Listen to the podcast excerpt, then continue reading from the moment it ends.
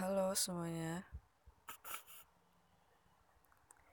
Akhirnya kembali lagi uh, di podcast ku yang udah sangat berdebu ini. oh ya, pertama-tama aku mau ngucapin Ramadan Karim dan Ramadan Mubarak buat semuanya.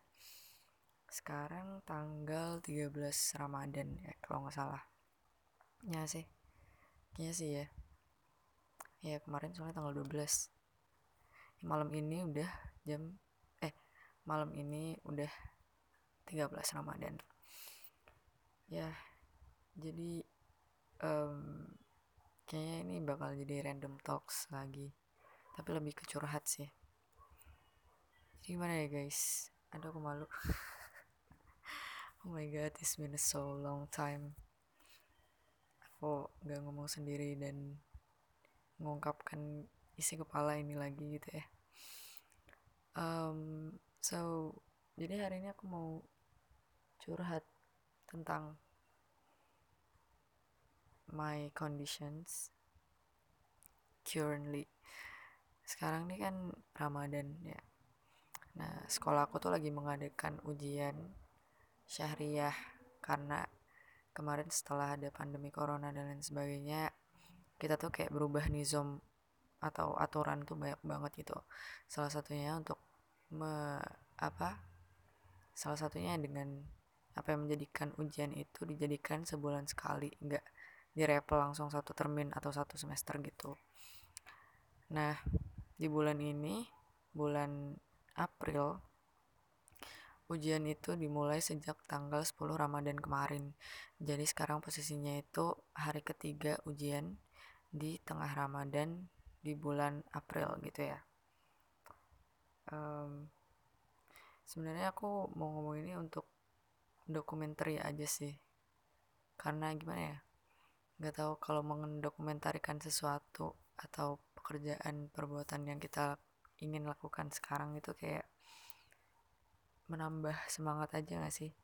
Karena aku beberapa waktu lalu tuh kemarin kayak ngeliat uh, apa ya ada orang yang dia itu mau dokumentarikan apa apa sih namanya proses dia dalam mengerjakan sesuatu dalam belajar dalam mau nyelesain tesis dan lain sebagainya gitu. Dan itu kayaknya ngebuat orang tuh jadi lebih komit sih. Jadi kayak ngerasa ini tuh lebih serius gitu. Gimana sih bahasanya? Ya pokoknya gitu. Dan aku sendiri di ujian kali ini tuh sangat berbeda dari yang sebelum-sebelumnya. Karena nggak tahu kayak ujian kali ini tuh lebih apa ya bisa dibilang agak meremehkan gitu kali ya bisa dibilang. Karena terlalu random sih. Setelah pandemi ini tuh kayak sekolah tuh nizamnya berantakan banget. Jadi yang mau serius tuh juga sulit gitu kalau aku pribadi. Dan aku pribadi di bulan ini semester ini sih lebih tepatnya. Di semester ini tuh udah membuat sebuah plan-plan yang mau aku kerjakan gitu. Karena um, apa ya belajar itu nggak sekedar hanya apa sih sekolah di dalam institusi konvensional yang apa ya ibaratnya tuh um, lupa bahasanya. Sebuah sistem yang valid yang resmi gitu. Nggak nggak nggak nggak harus sekolah itu di nggak harus belajar di tempat yang resmi.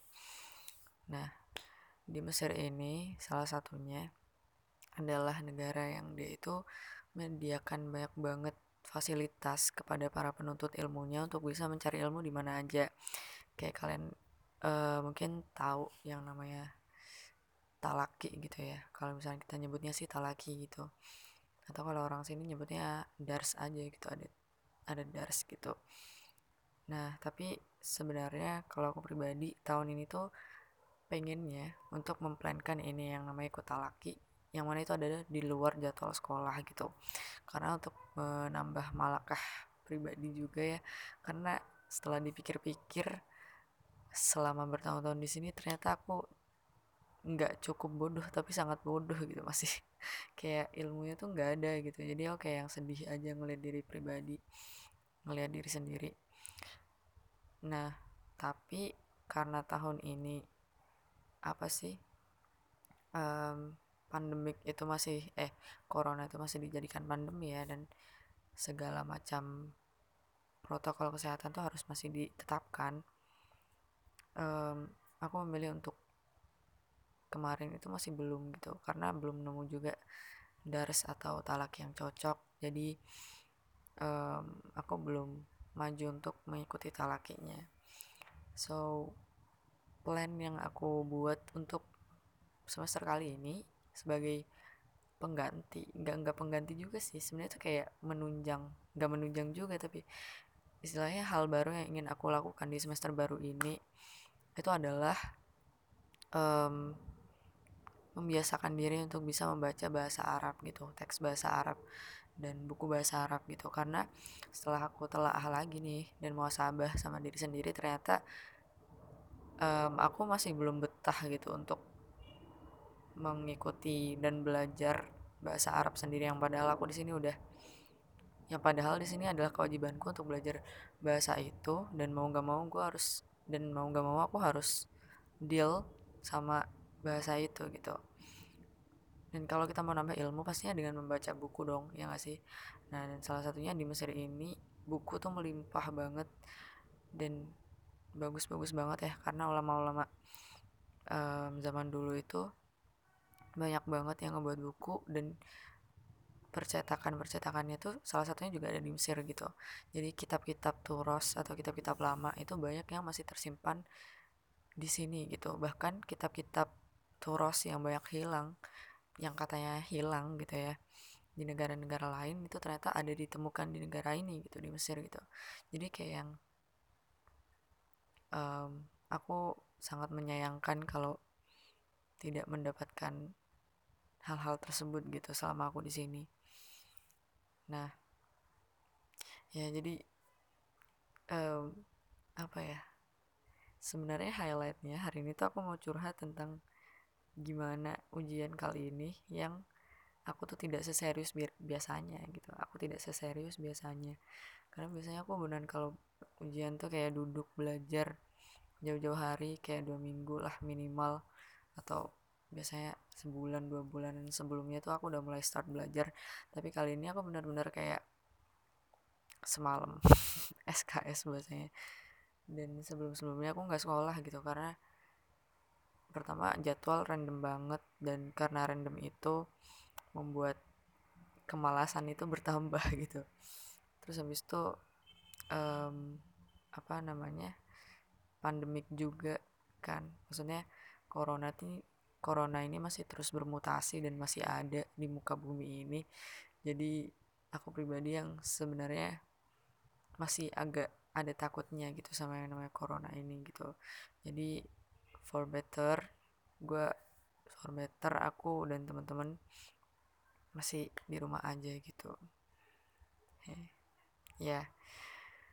Nah jadi hari ini enggak sekarang tuh udah jam 12 kurang semenit 23.59 malam ya.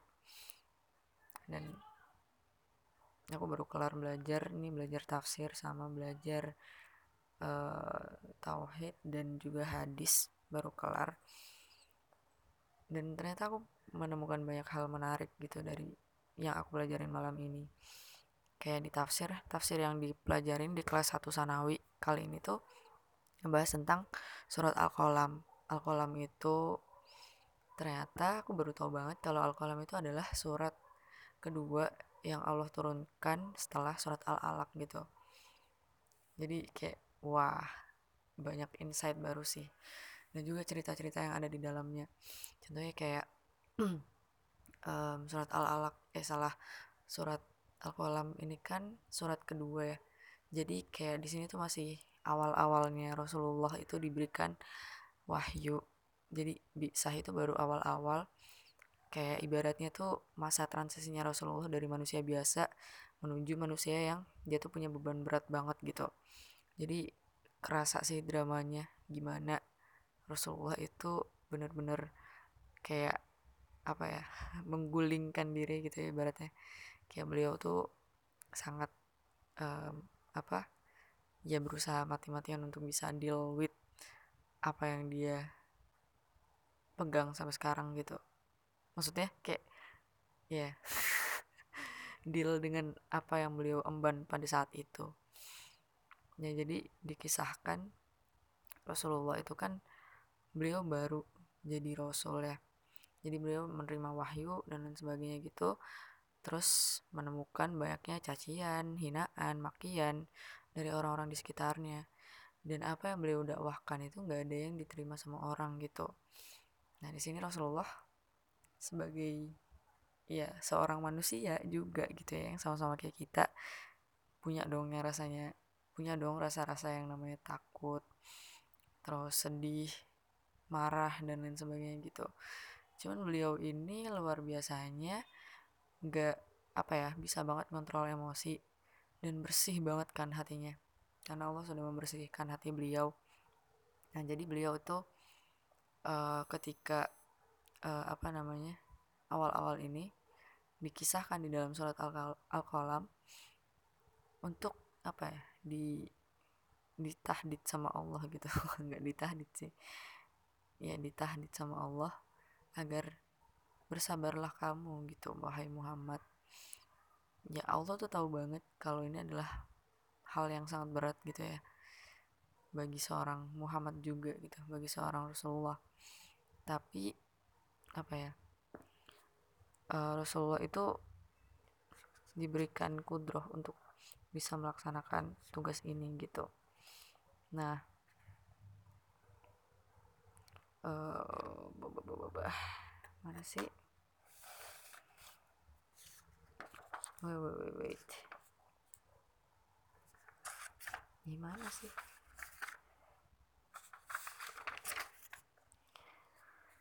Uh, ma'anta mati rabbi kami majnun nah iya jadi Allah itu memberikan pembenaran kepada Rasul ketika beliau itu disalah-salahkan banyak orang. Dibilang um, apa namanya? Dibilang orang gila sihir eh penyihir maksudnya dan penyair dan lain sebagainya gitu. Dan Allah tuh membenarkan Rasulullah gitu bahwasannya ma'anta bi ni'mati rabbika bimajnun. Bahwasanya kamu dengan kenikmatan kamu sebagai seorang nabi itu ya itu kamu bukanlah seseorang yang majnun, orang yang gila gitu. Tapi bahkan kamu itu akan mendapatkan ajran ghairu mamnun. Suatu e, nanti kamu akan mendapatkan anjuran pahala yang gue maktu yang tidak akan terputus gitu. Fasatu besiru wa besirun maka bersabarlah kamu wahai Muhammad dengan keadaanmu saat ini gitu. Nah kayak gitu. Jadi ini tuh menandakan bahwasanya Rasulullah ini sebenarnya juga ada gitu ya yang namanya rasa kemanusiaan. Kayak capek takut dan ya hal-hal seperti itu yang sangat wajar terjadi pada manusia gitu. Cuman sama Allah dikuatin lagi. Satu besar wa yumsirun gitu. Karena nanti kamu akan mendapatkan tadi lah ajaran mamnun gitu. Jadi Muhammad kamu tuh harus menguatkan diri gitu ya. Supaya kamu nanti mendapatkan ajaran gairah mamnun ini gitu. Nah di sini gue di sini aku tersentuh sih.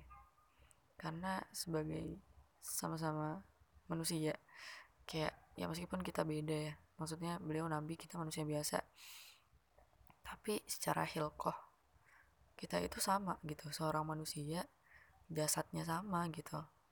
Dan hatinya tuh juga sama apalagi hati Rasulullah itu kan sangat lembut gitu. Jadi pasti peka terhadap rasa-rasa yang seperti itu sebenarnya gitu. Di sini serius sih aku kayak yang sedih kayak kebayang gak sih kalau kalian itu mendakwakan sesuatu memberitakan seseorang terhadap sesuatu yang kalian tahu itu benar dan keberadaannya itu benar-benar serius gitu. Tapi kalian ditolak mentah-mentah bahkan dicaci maki dibilang gila. Gila sih itu kayak yang speechless sih. Pasti berat banget bagi namanya seorang manusia gitu. Dan luar biasanya saudara-saudara bukan sahabat-sahabat Rasulullah yang pada saat itu mendampingi Rasulullah ya yang which is mereka itu orang-orang manusia biasa yang kayak kita. Itu keimanannya luar biasa banget gitu. Kayak Abu Bakar Usman Abdurrahman bin Auf Zubair bin Awam Tolha bin Ubaidillah gila sih. Kalau kalian denger ceritanya tuh bah, bikin merinding banget asli kayak bisa-bisanya gitu. Mereka tuh uh, dipertemukan oleh seseorang yang uh, mereka mendakwahkan hal yang sangat baru gitu ya dari kehidupan mereka yang sebelumnya yang ada pada kehidupan mereka yang sebelumnya. Terus um, mereka menerima dengan apa yang diberitakan hal baru tersebut gitu. Iya pertama emang Allah itu memberikan Rasulullah mujizat ya untuk bisa mentaswib apa omongan beliau dan lain sebagainya gitu. Cuman nggak sedikit kan orang-orang yang ngehina Rasulullah dan bilang Rasulullah itu majnun dan lain sebagainya. Tadi itu bahkan lebih banyak gitu. Penolakan tuh terjadi di mana-mana. Tapi orang-orang yang aku sebutin tadi tuh kayak mereka tuh tetap pada jalannya gitu. Apalagi Abu Bakar yang mana kita tahu beliau adalah salah satu sahabat yang imannya itu kalau diceritakan semua orang di Mekah nih kalau mereka dikumpulin secara keimanannya ditimbang. Abu Bakar itu lebih lebih baik eh lebih banyak daripada mereka gitu.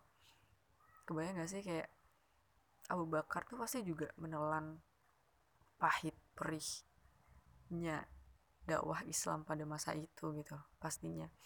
Karena lagi-lagi dengan lakop asidik itu itu adalah hal yang drama juga gitu kan lakop asidik yang disematkan oleh Rasulullah kepada Abu Bakar itu melalui hal yang sangat drama yang wah gila sih gitu. Kayak coba bayangin aja tiba-tiba kalian mendapati kabar ada orang di zaman ya yang nggak waktu itu nggak ada namanya kendaraan nggak ada mobil nggak ada motor bahkan sepeda sepeda kayu aja nggak ada gitu.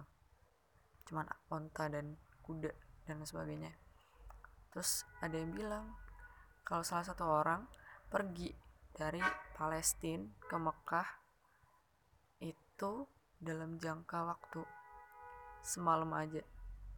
Sedangkan Abu Bakar nih ya Abu Bakar yang beliau tuh seorang pedagang yang of course dia tuh sering banget ya pastinya ke ngelakuin perjalanan bisnis dari Palestina ke Mekah. Dan dia bilang kalau itu sebenarnya termakan waktu sampai 35 sampai 40 harian gitulah. Dan Rasulullah bilang kalau beliau pergi ke Mekah dan ke Pal dari Palestina ke Mekah atau Mekah ke Palestina itu dalam waktu satu malam aja. Dan tahu apa yang dikatakan Abu Bakar waktu itu? Aku percaya gitu. Wah gila sih ini mind blowing banget. Kayak iya oke okay sih. Rasulullah emang orang al amin ya yang sehar yang semua perkataan beliau itu pasti benar. Jadi Abu Bakar tidak menyalahkan maksudnya tidak makanya Abu Bakar membenarkan apa yang Rasulullah itu katakan gitu. Cuman ini kan hal yang di luar akal manusia ya. Yang mana di situ tuh susah untuk menerima hal baru tanpa harus mikir dulu gitu. Ya gak sih? Dan itu kayak ibaratnya ya kayak sihir aja gitu gak sih? Dan bayangin kalau kalian di posisi Abu Bakar Asidik pada saat itu atau orang-orang Makkah pada saat itu ya yang Islam tuh udah bisa dihitung lah orang-orangnya masuk banyak juga. Itu apa yang akan kalian lakukan terhadap reaksi kepada Rasulullah waktu itu gitu? Aku nggak bisa menjamin kalau aku bisa membenarkan Rasulullah melakukan perjalanan Isra Mi'raj sih. Kalau aku pada saat itu ya kalau aku kalau misalkan aku hidup pada zaman itu karena ya emang nggak nggak makul gitu. Ngerti gak sih? Kayak ya kita kan manusia nih dikasih akal. Kita bisa dong mikir dengan itu dan perjalanan semalam doang dari Mekah ke Palestina di zaman yang kayak gitu yang seharusnya termakan waktu 40 hari tapi lu bisa ke sana dalam satu malam itu nggak makul sih gitu. Cuman sekarang of course dengan seluruh keimanan yang kita punya dan dengan proses uh, beriman yang kita punya kita pasti udah percayakan dengan hal itu. Cuman bayangin aja gitu ketika para sahabat waktu itu di sana di posisi itu gitu. Dan kalian di sana misalkan apakah bisa kalian membenarkan apa yang Rasulullah katakan itu gila sih. Nggak tahu lagi-lagi sebenarnya aku speechless dengan bagaimana para sahabat itu beriman ya. Dan kayak wah kita punya kesempatan gak sih sebenarnya kalau bersanding dengan hidup mereka gitu? Kayak misalkan Tolhah bin Ubaidillah aja. Beliau waktu itu uh, disebut kayak apa sih? Orang yang hidup dalam kematian. Syahid yang berjalan di bumi gak sih kalau nggak salah Tolhah itu? Karena waktu perang Uhud itu dia mendapatkan tusukan 70 di badannya kalau nggak salah ya. Tapi dia masih hidup gitu. Dan dia mendapatkan 70 tusukan di dalam dirinya itu karena melindungi Rasulullah.